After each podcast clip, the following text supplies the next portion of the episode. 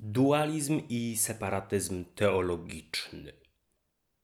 Chrześcijaństwo, jak i w ogóle religia, posiada bardzo bogaty potencjał teologiczny, o czym mogą świadczyć różne kierunki, tradycje chrześcijańskie, rozmaite doktryny i perspektywy hermeneutyczne. Znajdziemy przecież chrześcijan uznających istnienie niematerialnej duszy ludzkiej, jak i mniejszościową koncepcję niepodzielnego holizmu antropologicznego, de facto materializmu. Tych, którzy wierzą w czyściec i tych, którzy uznają jedynie dwa miejsca pośmiertnej destynacji człowieka. Spotkamy również zwolenników fatalizmu, determinizmu religijnego oraz wolnej woli. Tych, którzy uznają świętość niedzieli na pamiątkę zmartwychwstania Chrystusa, jak i tych, którzy trwają przy starotestamentowym szabacie, a także takich, którzy nie czynią różnicy między dniami. Znajdziemy takich, którzy będą koncentrowali się na własnych staraniach, aby przypodobać się Bogu, oraz tych, którzy zadowolą się łaską Boga ukazaną w śmierci Chrystusa, tych, którzy nie są skłonni zmienić doktryn, oraz tych, którzy nigdy nie zatrzymują się w rozumieniu ksiąg biblijnych, tych, którzy łączą naukę z wiarą, a także zaciekłych przeciwników nauki itd.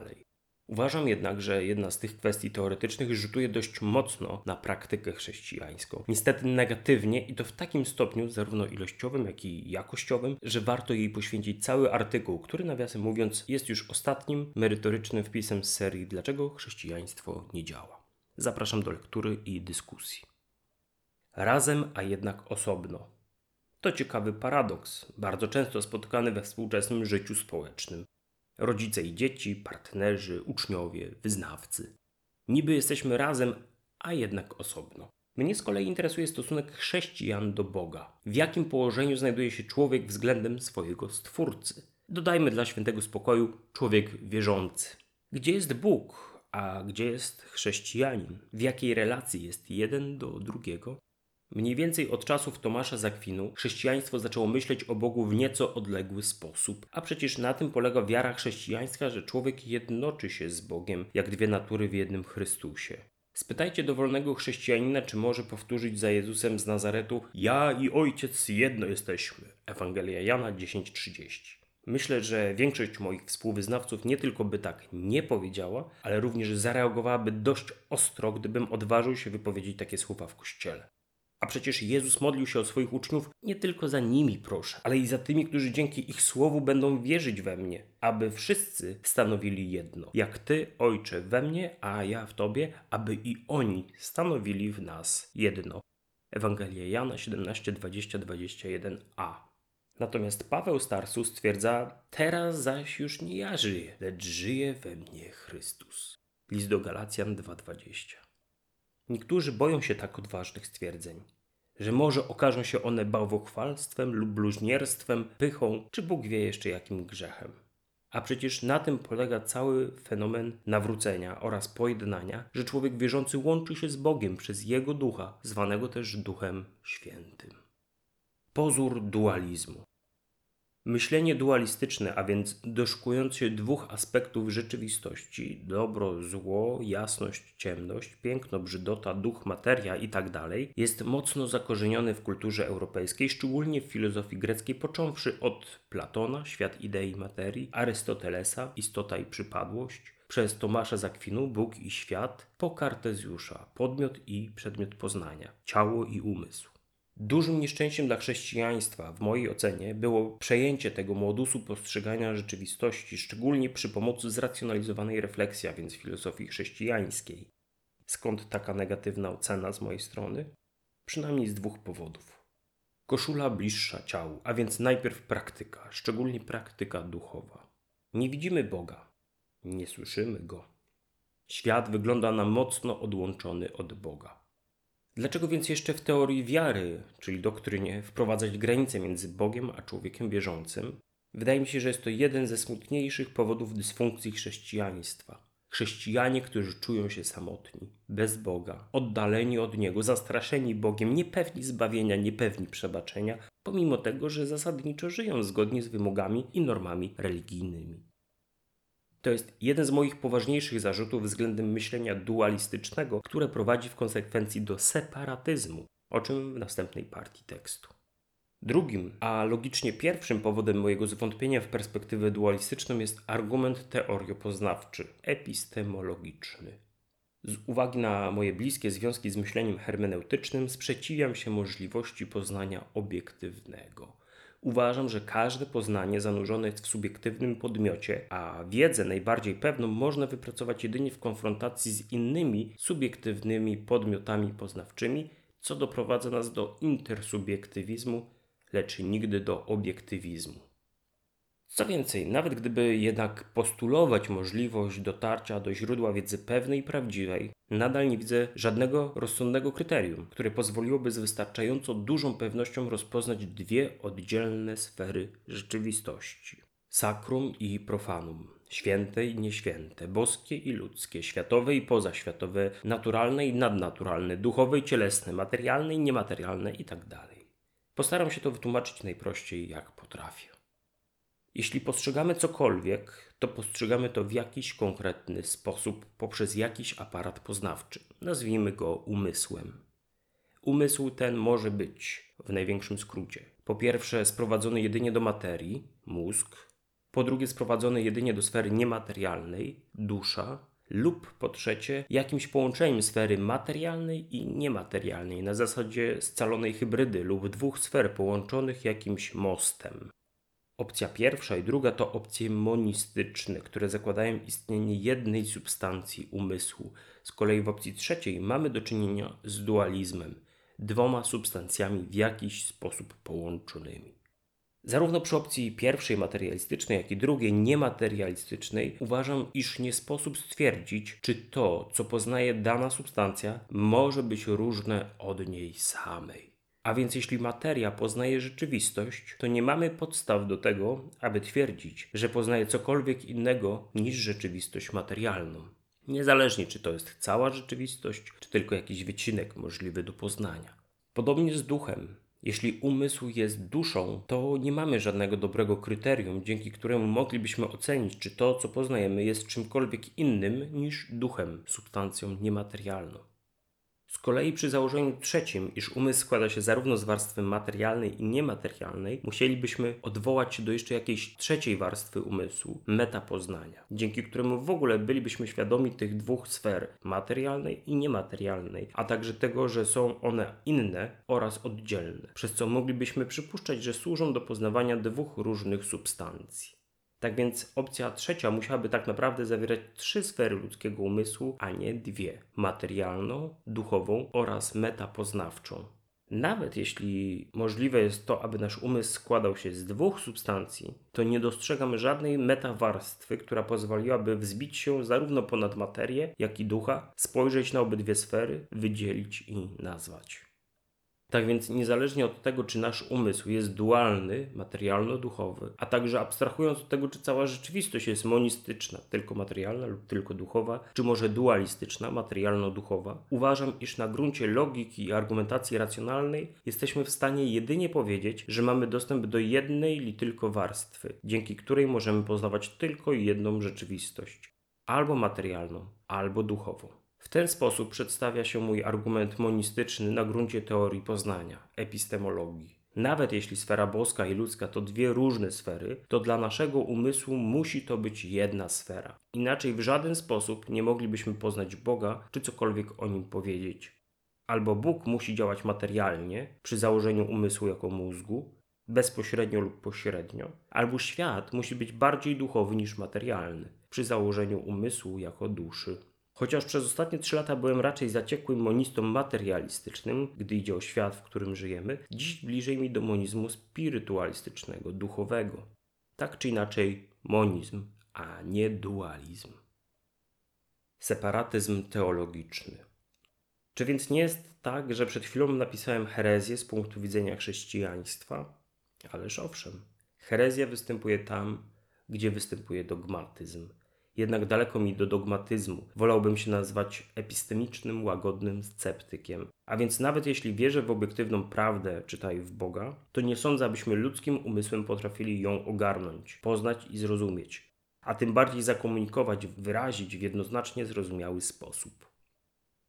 Co więcej, wiem, że można mówić tak o Bogu, jak właśnie o nim powiedziałem w poprzednim akapicie, bo sam Paweł Starsu używał języka monistycznego, który nie tyle oddalał i wydzielał Boga spoza świata, ale umiejscawiał świat w Bogu, bardzo blisko człowieka. Bo w rzeczywistości jest On, Bóg, niedaleko od każdego z nas, bo w Nim żyjemy, poruszamy się i jesteśmy. Dzieje apostolskie 17:27b 28a. Owszem, możliwe, że niektórzy będą skłonni w tym miejscu metaforyzować wypowiedź Pawła lub tłumaczyć, że była jedynie retorycznym zagraniem względem słuchaczy, szczególnie greckich stoików. Niemniej jednak ja wtedy pozwolę sobie zadać pytanie, dlaczego akurat ta wypowiedź jest metaforą, a nie inne? Kto o tym decyduje? Dlaczego akurat Paweł zagrywa retorycznie względem Greków, a do Żydów mówi wprost? A może było odwrotnie? A może obydwa sposoby myślenia i mówienia o Bogu są prawdziwe lub przynajmniej dopuszczalne? Ponadto podobną myśl apostoł Pogan kieruje do chrześcijan w Koryncie, mianowicie iż po usunięciu ze świata zła ostatecznym celem jest przeniknięcie Boga przez całą rzeczywistość. A gdy już wszystko zostanie mu, Chrystusowi, poddane, wtedy i sam syn zostanie poddany temu, który synowi poddał wszystko, aby Bóg był wszystkim we wszystkich. Pierwszy list do Koryntian 15:28. O ile daleki jestem od stwierdzenia, że świat to Bóg, panteizm, o tyle myśl Pawła Starsu jest poniekąd panenteistyczna, co oznacza, że świat zawiera się w Bogu, ale Bóg jest większy niż świat. I chociaż trudno dopytać tego pierwszego filozofa chrześcijańskiego, co faktycznie miał na myśli, gdy przemawiał w Atenach, o tyle uważam, iż nie należy wyrzucać Boga z życia ludzi wierzących.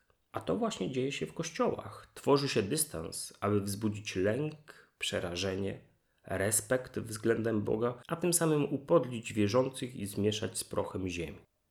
Łatwiej jest zarządzać taką wspólnotą, łatwiej jest czerpać zyski finansowe, gdy duchowni kościołów legitymują się jako poborcy podatkowi króla. Jednak zjednoczenie się Syna Bożego z naturą ludzką, idea ciał wierzących jako świątyni, w której mieszka Duch Święty, ten sam Duch, który bada głębokości Boga, pozwalają na przełamanie separatyzmu. Bóg robi wszystko, aby zbliżyć się do człowieka, aby pokazać swoją radykalną bliskość i obecność w życiu swoich dzieci. A jednak teologowie i duchowni z maniakalnym uporem tworzą nieprzekraczalny dystans w imię mylnie i bezzasadnie pojętego dualizmu transcendentalnego. Jeśli chrześcijaństwo ma uczynić ludzi spełnionymi i szczęśliwymi w Bogu, to powinno uciąć retorykę separatystyczną, a najlepiej gdyby ukazywało jedną rzeczywistość, jedno wielkie sakrum, zamiast wygodnego i beznadziejnego zarazem podziału na odświętne i zwykłe. Oczywiście to wymagałoby od kościołów przede wszystkim przeformułowania organizacji stylu zarządzania, a także otwartości na doświadczenie Boga w zakresie formułowania doktryn, teologii, to z kolei byłoby odcięciem gałęzi, na której siedzą organizacje religijne. No i mamy błędne koło. Już dawno to koło zostało przełamane, dokonał tego Jezus z Nazaretu, a także Paweł Starsu. Nie jest to jednak zadanie dla wszystkich. Potrzeba osobistego doświadczenia z Bogiem, odwagi, pewności i myślenia autokrytycznego oraz innowacyjnego. Większości wystarcza jednak kopiowanie zachowań i wzorców myślowych ze swoich społeczności religijnych. Nic więc dziwnego, że coś, co nigdy nie było przesłaniem chrześcijańskim, jest, moim zdaniem, jednym z głównych powodów jego dysfunkcji.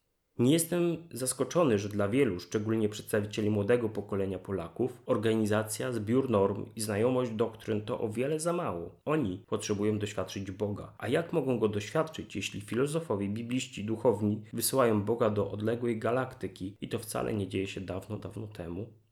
Co dobrego wynika z monizmu teologicznego?